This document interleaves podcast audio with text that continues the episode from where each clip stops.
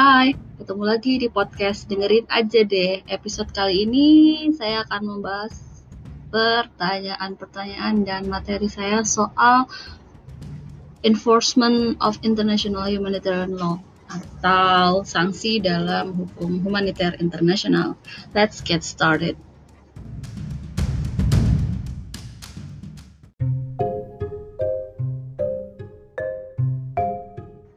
Yang pertama, sebelum mulai ngomong soal enforcement, kita harus uh, kembali lagi ke materi awal bahwa hukum humaniter internasional adalah hukum yang berlaku saat terjadi konflik bersengketa bersenjata, baik yang sifatnya international armed conflict ataupun yang bersifat non international armed conflict. Harus diakui bahwa international humanitarian law atau hukum humaniter internasional dia adalah erga omnes apa sih yang kenapa IHL disebut dengan erga omnes? Karena IHL merupakan hukum tertinggi atau semua aturan yang ada di dalam hukum humaniter internasional harus ditaati oleh semua pihak yang ikut dalam sengketa bersenjata, baik yang bersifat international armed conflict maupun yang non-international armed conflict siapa aja, mau belligerent, negara, uh, terus kemudian pihak-pihak lain yang ikut dalam sengketa itu harus menaati setiap aturan yang hadir di dalam hukum humaniter internasional. Tidak hanya terbatas di Konvensi Jenewa 1 hingga 4 1949 ataupun protokol tambahan, tetapi hukum Den Haag dan perjanjian-perjanjian yang berkenaan dengan sengketa bersenjata yang sifatnya non-internasional ataupun international armed conflict itu harus ditaati dan diikuti oleh para pihak yang terlibat dalam sengketa tersebut. Yuk kita mulai bahas yang namanya penegakan dalam hukum humaniter internasional.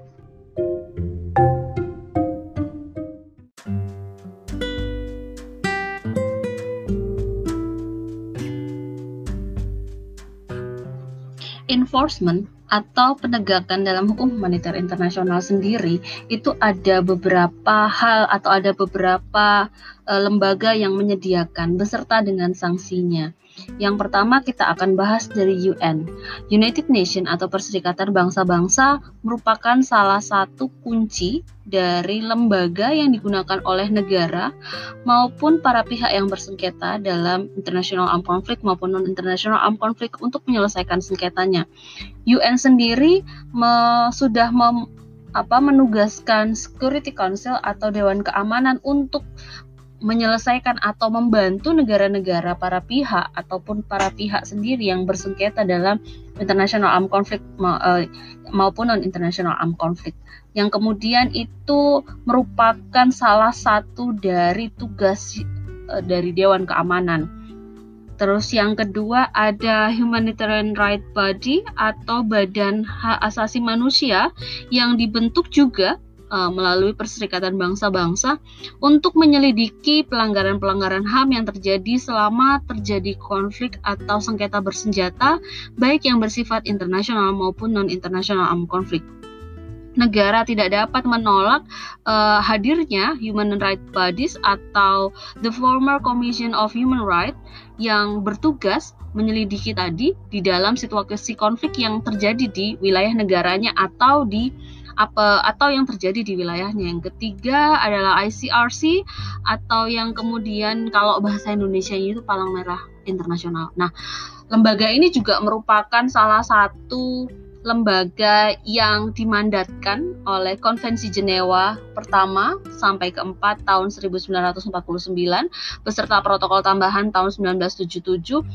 eh, ICRC sendiri bertugas untuk melakukan observasi, memastikan pihak-pihak bersengketa menjalankan dan menaati setiap aturan yang berlaku di dalam hukum humaniter internasional mengenai konflik yang bersifat internasional maupun non-internasional armed conflict. Yang berikutnya tugasnya adalah melindungi masyarakat sipil, melindungi para korban perang, baik yang berasal dari masyarakat sipil maupun yang merupakan pihak yang bersengketa. Maksudnya gimana Bu? Maksudnya adalah jika ada tentara yang terluka atau sakit pada saat perang, maka jika ada ICRC, maka tugasnya dia juga harus menolong tanpa melihat tentara atau angkatan bersenjata itu berasal dari kesatuan mana. Ya, jadi semua angkatan bersenjata. Jika terluka, sakit, atau prisoner of war, maka dia harus ICRC kemudian harus memberikan pengobatan, pelayanan, dan tidak boleh memihak. Itu kunci ICRC kalau dia sedang berada di wilayah konflik. Yang tugas yang ketiga adalah visiting prisoner of war atau tadi yang saya bilang tawanan perang. Nah, ICRC juga harus menjamin bagaimana negara-negara para pihak melindungi para tawanan perang ini. Ya, tawanan perang ini ada dua. Yang pertama ada masyarakat sipil dan ada uh, ini si tentara tadi atau angkatan bersenjata, bersenjata lubuk. Masyarakat sipil kok jadi tawanan perang kan dia kan dia ini tidak ikut dalam konflik. Nah, jangan lupa masyarakat sipil pun ada yang angkat angkat senjata yang tidak tergabung dalam angkatan bersenjata tetapi secara inisiatif individu maupun kelompok dia mengangkat senjata untuk melakukan perlawanan. Maka mereka juga harus selain harus menaati hukum perang, mereka juga nanti kalau ditangkap oleh pihak lawan, status mereka adalah tawanan perang sipil. Nah, ini yang harus dijamin oleh ICRC. Kemudian bagaimana pelaksanaan aturan mengenai prisoner of war harus tetap dijaga oleh negara-negara yang terlibat atau para pihak yang terlibat dalam konflik-konflik tertentu di wilayah tertentu, terutama di wilayah mereka sendiri. Oke. Okay.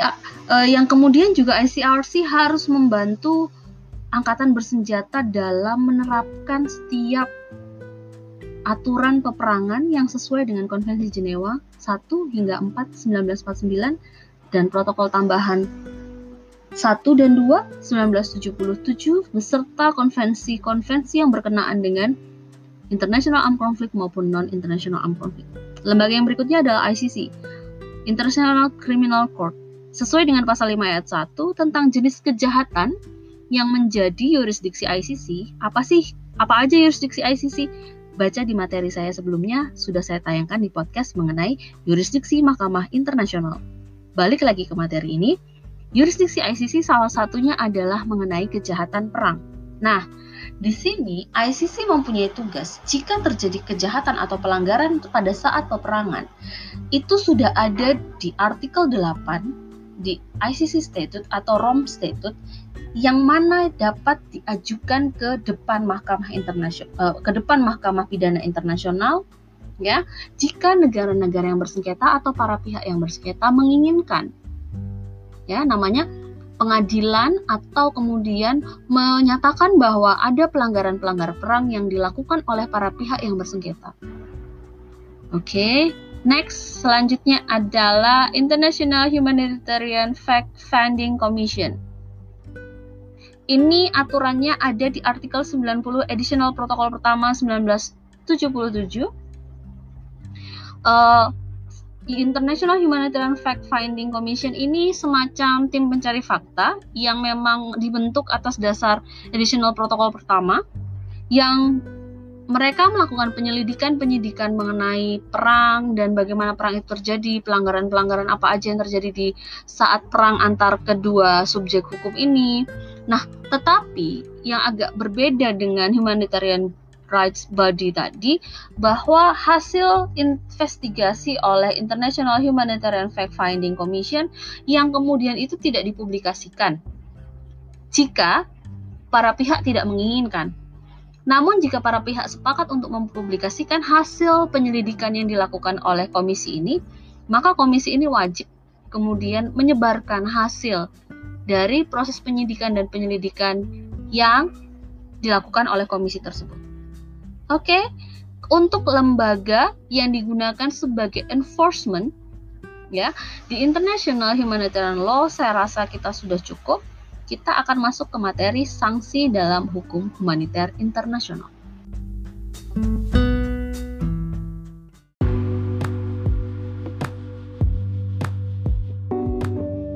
Oke, kita masuk di bagian sanksi dalam hukum humaniter internasional. Yang Sanksi dalam hukum humaniter internasional ini ada empat macam. Yang pertama adalah protes, kompensasi, reprisal, dan penghukuman pihak yang bersalah.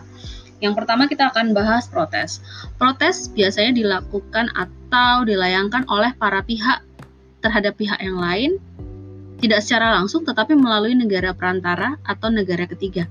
Nah, biasanya negara-negara perantara atau negara ketiga ini memfasilitasi protes yang di uh, protes yang diajukan oleh salah satu para pihak terhadap pihak lainnya memfasilitasi misal dia menjadi pihak ketiga dalam meluruskan atau menjelaskan mengenai masalah-masalah atau protes-protes yang dilayangkan oleh salah satu atau bahkan kedua belah pihak. Tuh, kemudian kompensasi. Kompensasi diberikan kepada pihak yang dirugikan selama terjadinya konflik bersenjata-bersenjata yang baik yang bersifat internasional maupun non-internasional. Reprisal atau tindakan pembalasan ini merupakan sanksi dalam hukum humaniter internasional yang sudah dilarang. Kenapa dilarang? Karena sebenarnya reprisal itu tujuannya apa ya mem, dia membalas. Jadi tindak negara A menyerang dengan apa? Dibalas dengan negara B. Jika itu dilakukan tindakan pembalasan itu dilakukan secara terus menerus nggak selesai juga gitu loh konfliknya. Nggak akan jadi damai tapi malah berkepanjangan. Jadi negara-negara dunia sekarang merasa bahwa tindakan reprisal ini uh, tidak baik jadi reprisal sebagai sanksi dalam hukum humaniter internasional itu sudah dilarang karena merupakan tindakan yang uh, akhirnya tidak menjamin keamanan dan keamanan perdamaian internasional malah menambah rusuh atau meningkatkan tensi dari konflik-konflik itu tadi yang ada. Yang keempat atau penghukuman atau menghukum pihak-pihak yang bersalah dalam sengketa. Nah, proses menghukum ini tidak terjadi langsung pihak yang menang menghukum yang kalah tidak, tetapi melalui mekanisme lembaga yang sudah diberikan yang sudah ada di dalam hukum internasional. Hukum internasional mempunyai banyak lembaga penyelesaian sengketa yang dapat digunakan khusus untuk konflik atau sengketa bersenjata. Yang di penjelasan saya sebelumnya sudah ada lembaga-lembaga yang dapat digunakan dalam para pihak menyelesaikan konflik atau sengketanya itu. Salah satunya adalah International Criminal Court.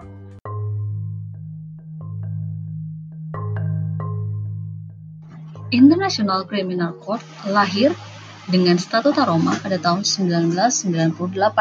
Nah, kalau mau tahu apa aja yang di yang dapat masuk dalam yurisdiksi kriminal court, International Criminal Court dan bagaimana International Criminal Court atau ICC menyelesaikan sengketanya, yang terjadi antara para pihak dan siapa aja yang boleh diajukan sebagai pihak yang bersalah dalam International Criminal Court dan untuk mengatasinya kalian boleh simak materi podcast saya sebelumnya tentang yurisdiksi International Criminal Court. Terima kasih.